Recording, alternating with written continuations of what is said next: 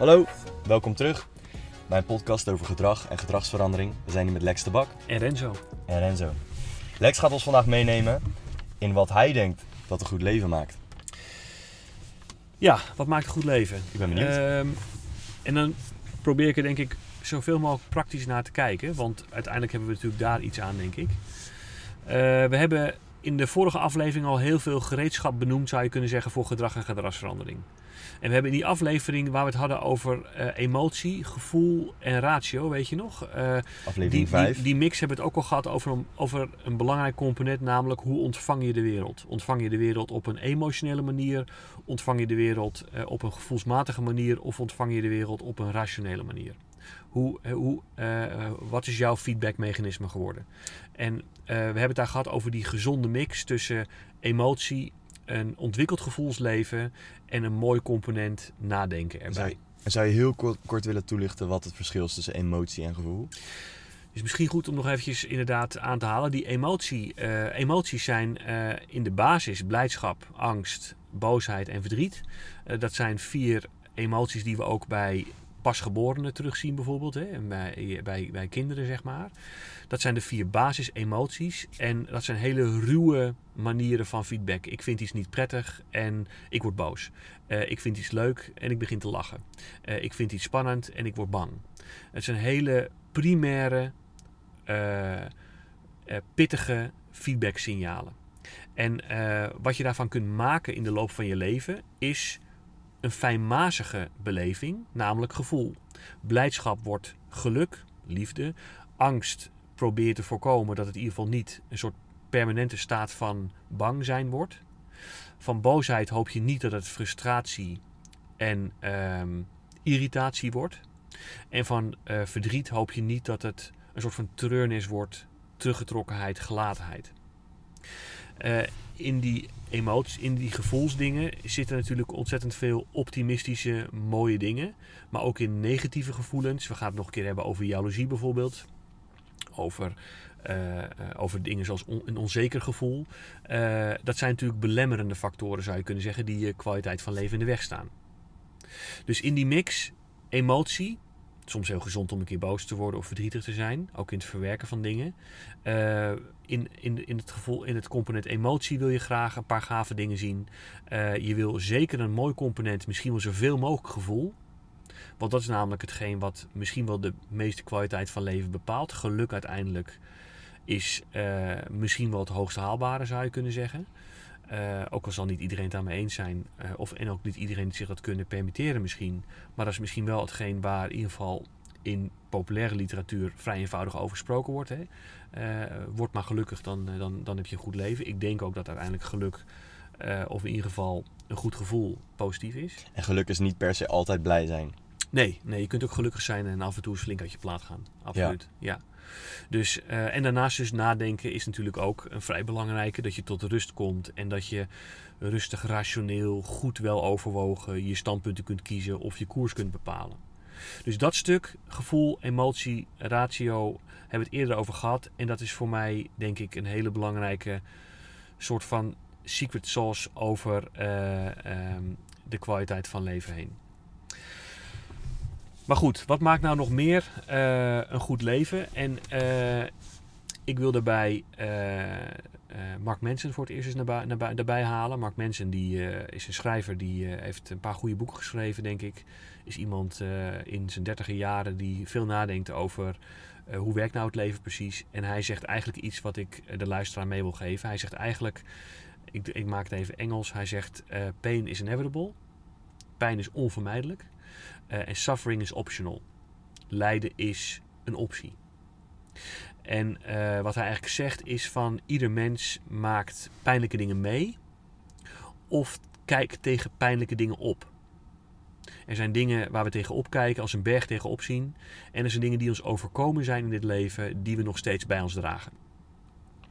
En ehm, wat hij eigenlijk zegt is zolang je de pijn niet oppakt, oplost, aangaat, de pijn uit het verleden, of de pijn aangaat die op je afkomt, hè, bijvoorbeeld een nieuwe baan of eh, een, eh, het vinden van een, eh, een, een nieuwe relatie wat ingewikkeld is, of het aangaan van een nieuwe hobby waar je je niet zeker in voelt, of zolang je dat niet aangaat of niet opruimt, ben je eigenlijk aan het lijden.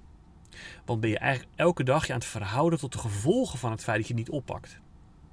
Er zijn dus mensen, we hebben het in de vorige aflevering gehad over het probleem met angst. Er zijn dus mensen die eigenlijk heel angstig zijn voor dingen, maar die daar niet, die dat niet aangaan, die die pijn niet opruimen. Dat fundamentele punt van ik moet het aangaan met mijn eigen systeem.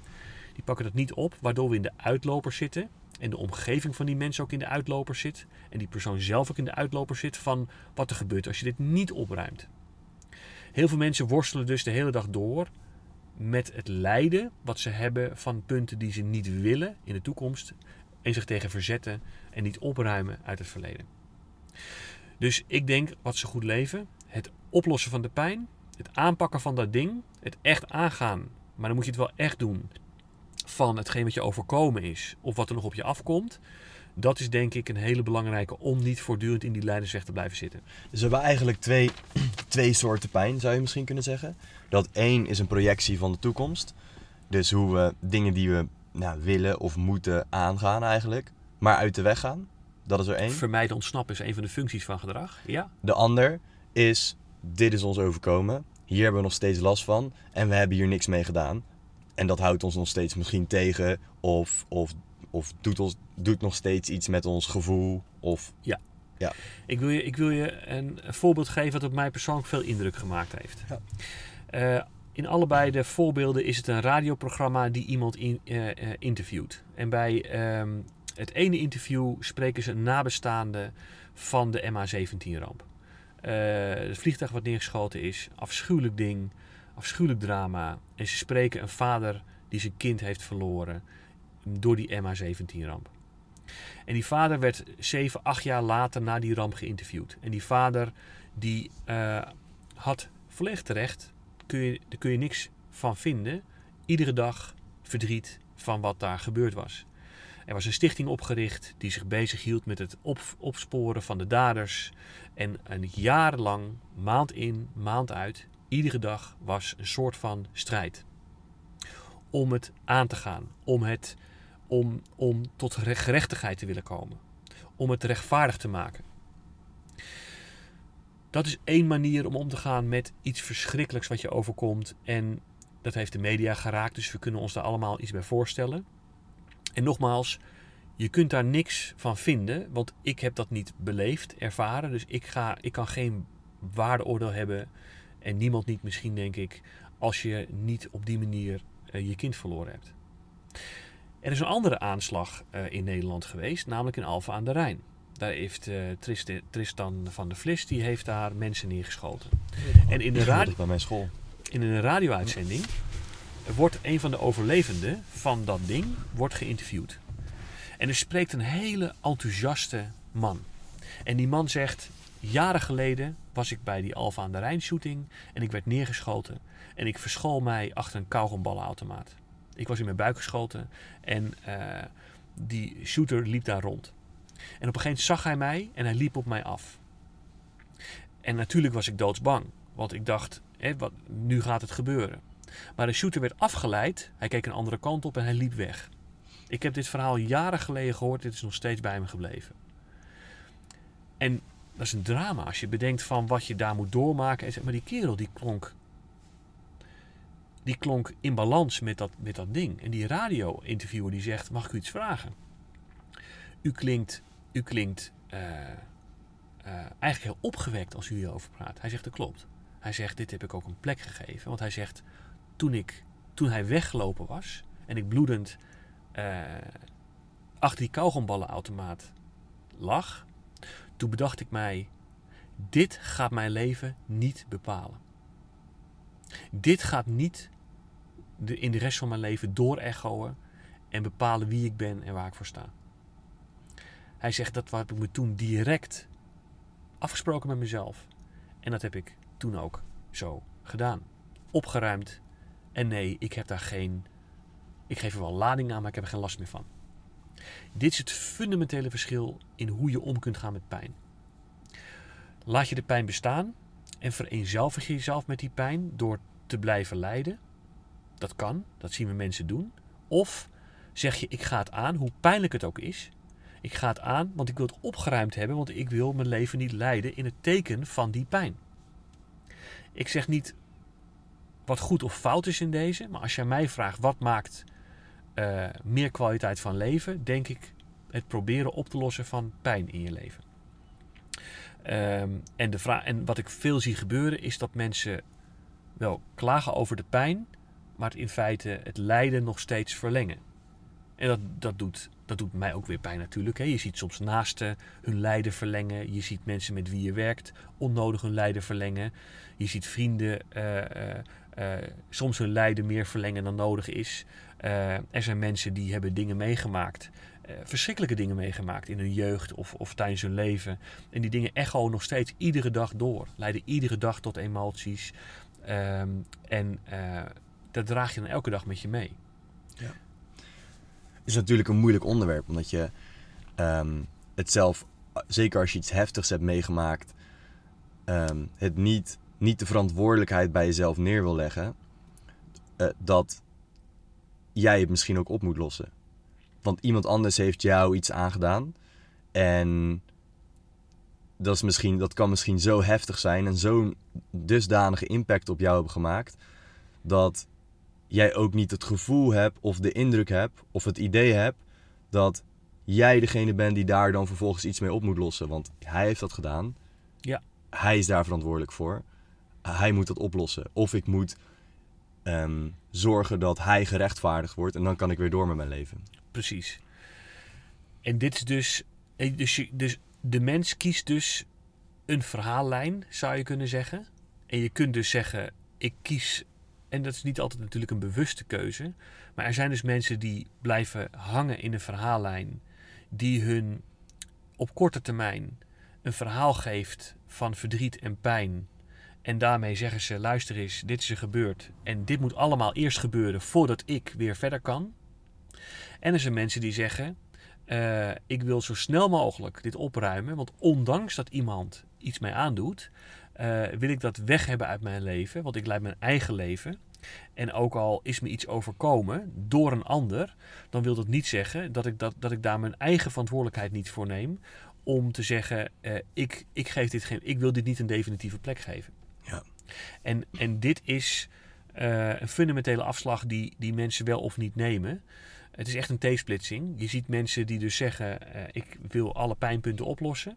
Uh, want ik wil gaan voor een goed leven, zou je kunnen zeggen. Of een leven in balans. Of een leven zonder, zonder lijden, hè, zou je kunnen zeggen in het voorbeeld van Mark Manson. Uh, en er zijn mensen die, ja, die lijden, maar die zich ook vereenzelvigd hebben met dat lijden. En daar ook het verhaal. Dat, dat, dat is dan ook het verhaal geworden. En ja, je kunt bij afschuwelijke rampen, zoals, we, zoals ik net noemde daar kun je helemaal niets van vinden. Maar er zijn wel mensen die op een veel lager complexiteitsniveau iets in het verleden hebben meegemaakt. Um, uh, en, en nog steeds dingen bij zich dragen. Ja, bijvoorbeeld uh, op, uh, in high school of in op de middelbare school ben ik gedumpt. Dus daardoor vertrouw ik niemand meer in mijn relatie. Ja, of, of, precies, of, of gepest. Hè. Ik sprak laatst gepest, iemand uh, een aantal jaar geleden uit mijn oude basisschoolklas. Of mijn oude, oude middelbare schoolklas. En die persoon, dat was vroeger een beetje een bully, zeg maar. En die persoon had een aantal mensen uh, gepest in de klas.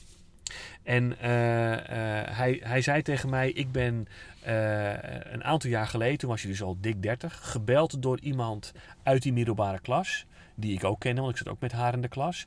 En zij heeft hem verteld dat ze al jaren therapie kreeg voor het feit dat hij haar had gepest.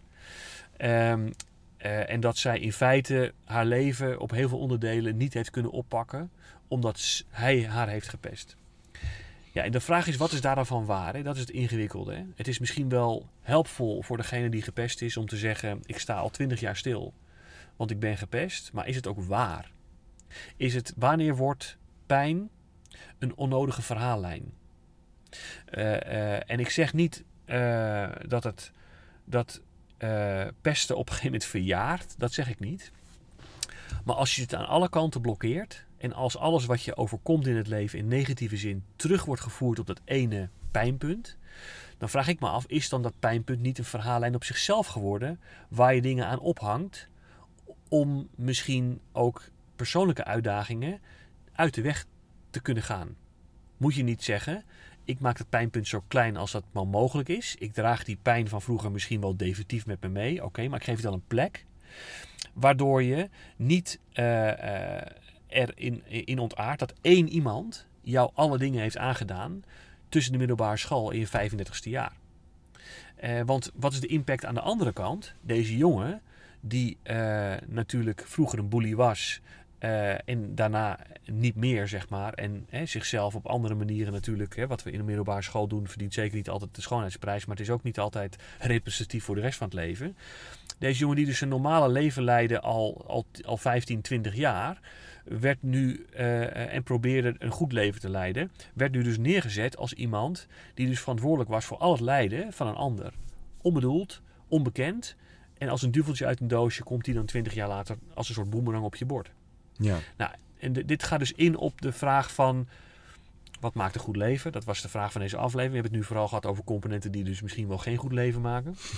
het, op, Nou ja. het opruimen van die dingen maakt denk ik een goed leven. Ja, wel, ik wil toch heel even praktisch zo meteen daar naartoe gaan. Hoe kunnen, we daar, hoe kunnen we hier nou iets mee? Maar voordat we daarheen gaan, is het denk ik toch wel interessant om te weten, hoe zijn we dan geneigd om zo snel in het negatieve te gaan? Want dit zie je heel vaak in negatieve zin. Dus dit is mij overkomen, daardoor ben ik nu zo, of, of gedraag ik me nu zo, of Ja. verhoud ik me zo tot de wereld.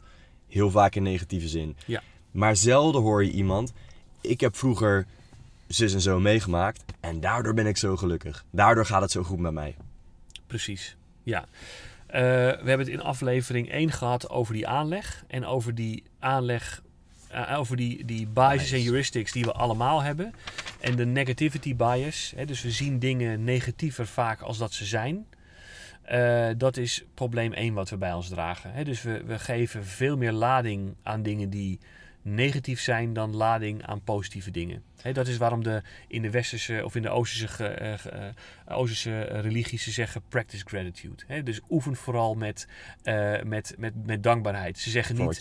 Ja, precies. Ja. Ze, ze zeggen niet practice negative, ne- ne- negativiteit.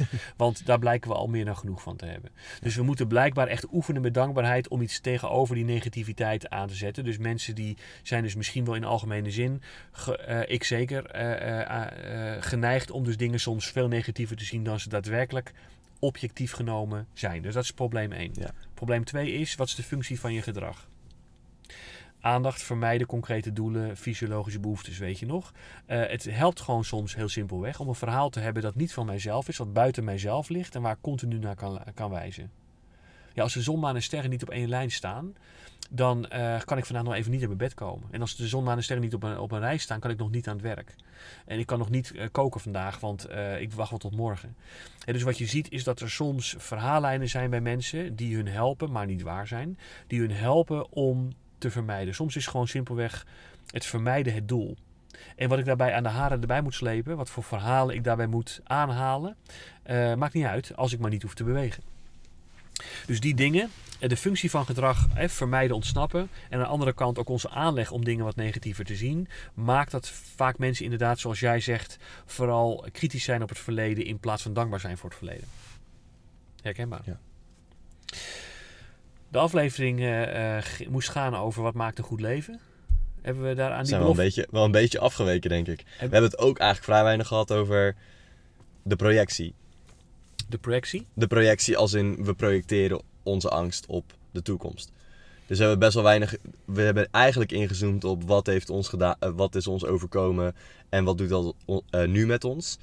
En de andere kant was ook nog de dingen die we aan zouden moeten gaan of aan zouden willen gaan ook heel vaak. Die we niet doen doordat we bang zijn voor dit of dat. Of doordat we een verhaal hebben meegemaakt die we ons blijven vertellen. Maar Precies, ja. Weet je nog dat bij die consequenties in, eh, in aflevering 4 hadden we het over de allesbepaalde factor van gedrag. Er zijn vier consequenties. Hè, er is, er is, eh, ik krijg wat ik wil. En dat was blijdschap, leidt tot blijdschap. Eh, ik moet iets doen waar ik geen zin in heb, dat is een vorm van dwang. Eh, ik krijg iets wat ik niet wil, is straf. En ik raak iets kwijt wat ik had, is, eh, is, is boete, ik krijg verlies, zullen we maar zeggen. hè. En we hebben het toen gehad over dat de twee dingen die ons gedrag in stand houden zijn blijdschap en angst. Dus ons gedrag, het paard, het paard blijft in galop zolang het de sporen krijgt. Eh, en het valt stil als het de sporen niet krijgt. Ik moet mijn paraplu omhoog doen om te voorkomen dat ik nat word. Dat was dwang, Ja. weet je nog? Nou, en de vraag is natuurlijk uiteindelijk van... ehm, eh, als ik het dus moet hebben van dingen die bij mij passen, ik krijg wat ik wil. En als ik het moet hebben van, ik moet eigenlijk iets doen waar ik niet zoveel zin in heb. Ik moet het eigenlijk doen onder dwang. Als, ik, als dat de enige manieren zijn om voorwaarts te bewegen. Straf en, en verlies leiden tot minder beweging. Eh, eh, dwang en eh, motivatie, intrinsieke motivatie, leiden tot meer beweging. Dus ik moet het dus blijkbaar hebben van intrinsieke motivatie of van dwang. Ja. En er zijn allerlei redenen eh, waarom mensen niet intrinsiek gemotiveerd zijn om iets te doen. Dat klopt.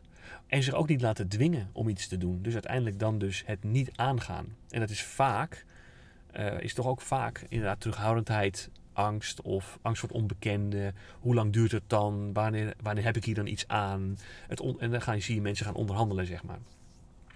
Dus, dus er zijn allerlei redenen om, het niet, om dingen niet te doen. Dus zoals, zoals Mark Mensen dan zegt, pijn, los pijn uit het verleden op en ga pijn in de toekomst aan.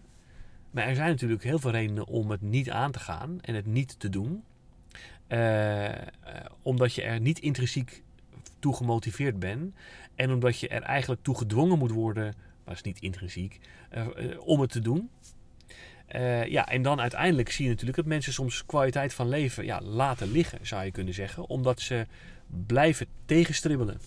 En, en wat is dan intrinsieke motivatie? Waar halen we dat vandaan? Ik, ik zou me kunnen voorstellen dat dat gevoel is, of een emotie is, of, of ergens affiniteit mee hebben. Ja, als je kijkt naar onze hormoonhuishouding, is er ook veel onderzoek nu gedaan naar wat we dus eh, ervaren als dingen bij ons passen. En dan maak je dus allerlei hormonen aan, ook gelukshormonen aan. Als je dus ziet dat je doelen slagen, als je een soort van merkt van hé, hey, ik heb mezelf eh, dat voorgenomen en het lukt ook, zullen we zeggen. Dus jezelf waarderen, stap voor stap bij een gedragsverandering is extreem belangrijk. Eh, en dan zie je dat mensen in een soort flow terechtkomen. Een soort van ja, je kunt dat growth mindset noemen. Hè? Dus naar voorwaarts willen bewegen. Eh, en op een gegeven moment doorkrijgen van ja, hoe meer ik doe, hoe meer lukt en hoe gaver het wordt. Eh, daar moet je wel voorwaarts voor bewegen en dat ook. En ook, en ook ervaren dat het lukt. En, en dat, en dus, dus, dus één keer hardlopen, 10 minuten, gaat je misschien niet gelijk die rush eh, geven die je van sport hoort te krijgen. En hou je het de tweede, derde, vijfde, tiende, vijftiende, twintigste keer ook vol. En na twintig keer zou je misschien kunnen zeggen: Ja, ik zit in die flow. Of nee, het past toch niet bij mij. Eh, maar de vraag is een beetje: hoe snel haak je af? Ja, Hè, dus, dus wat is kwaliteit van leven? Wanneer heb je een goed leven? Ehm, als emotie, gevoel en ratio een leuke plek hebben en je dus het, het in zijn volle rijkwijde van de kleur denk ik beleeft, ik dat het een belangrijke is. Als je niet te veel, als je de pijnpunten oplost uit het verleden en de pijnpunten in de toekomst aangaat en niet het lijden onnodig verlengt. En, eh, en probeer vooral realistisch te zijn over het verhaal wat je, in jezelf, aan jezelf vertelt. Ik heb wel eens een keer gelezen dat hè, je moet, eh, je voor een leuke uitspraak, je moet de stem in je hoofd eh, vooral niet eh, zien als een stem die van jou is. Het is Je bent niet de stem in je hoofd. Dat is een interessante stellingname. Ik weet niet of het waar is, maar het is wel. vind ik interessant. Zeker als je, dit vond ik een goeie, zeker als je, als je stem zegt, je moet dit of dat doen. Dat het vaak niet jouw stem is, maar dat het een idee is of iets van buitenaf is. Bijvoorbeeld van je ouders of je partner. Maar dat is ook wel interessant, dat komt eigenlijk een beetje met dwang. Dus wanneer, want als ik aan dwang denk, want dwang hebben we het nu niet echt over gehad. Eh, als ik aan dwang denk, dan zie ik, een, zie ik een baas met een hele dikke snor die heel boos is. Die zegt, jij moet dit of dat doen. Maar, of misschien mijn vader die boos op me is en die zegt dat ik het gras moet maaien.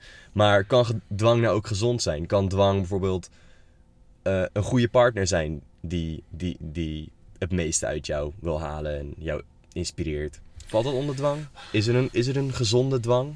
Nou, kijk, als, als een kind geforceerd wordt om zijn bord leeg te eten, omdat er namelijk gezonde dingen op zijn bord liggen, is, is dwang, denk ik, leidt dwang tot meer gezondheid, zou je kunnen zeggen, van het kind. Dus uiteindelijk mensen dwingen tot dingen om hun, om hun verder te helpen. eh, voor hun eigen bestwil, zou je kunnen zeggen. Dat is misschien wel een gezonde vorm van dwang. Het belangrijkste is, als je kijkt naar eh, het volwassen leven, dat dwang, eh, dwang valt. eh, dus dwang heeft voortdurend nodig dat iemand over je schouder meekrijgt, kijkt en die dwang uitoefent. Ik heb die trajectcontrolecamera's nodig om mij iedere meter van de snelweg aan de snelheid te houden. Als die camera's er niet zouden staan bij een trajectcontrole, ga ik het gewoon niet doen. Dus, dus het moeilijke bij dwang is dat dwang kortstondig iets toevoegt, maar misschien op de langere termijn eh, niet iets betekent als mensen het weer zelf voor het zeggen krijgen, want dan zeggen ze ja, dat ga ik niet doen. Dus wat je zou willen is als je al dwang toepast, dat mensen heel snel de meerwaarde inzien van hetgeen waar ze toe gedwongen worden. En dat ze ervaren dat het ze meer oplevert om die nieuwe dingen te doen dan om de oude dingen te doen. Dus dwang is misschien wel een interessant fenomeen om mensen aan te zetten. Maar zodra je jezelf terugtrekt, dat kun je ook beheers doen. En je merkt dat mensen dan niet bewegen. Ja, dan merk je dus eigenlijk dat het gewoon niet blijven plakken. Ja. En dus niet intrinsiek wordt. Dus zou dwang ook kunnen zijn iemand een verantwoordelijkheid geven, bijvoorbeeld op werk. En ik geef jou de verantwoordelijkheid om dit en dat te gaan doen. In het begin heb ik misschien daar helemaal geen zin in. Ja. Maar dan, nu moet ik het doen. Ja. Nu begin ik ermee. Ja. En kom ik erachter, hé, hey, dit is eigenlijk best wel leuk. Dat is- Ik vind verantwoordelijkheid nemen eigenlijk hartstikke tof. En ik word ervoor beloond. Dat is de positieve versie van dwang. Ja. Mooi. Gaan we daarbij houden? Of hebben we nog wat om We gaan erbij houden. We zijn alweer lang genoeg bezig. Ehm, en we gaan het nog veel vaker hebben over eh, eh, vraagstukken die mensen ons ook insturen. Hè? Want we gaan natuurlijk in deze podcastreeks steeds meer werken naar de praktijk toe. Hè? We worden steeds concreter op een aantal onderwerpen, hoop ik.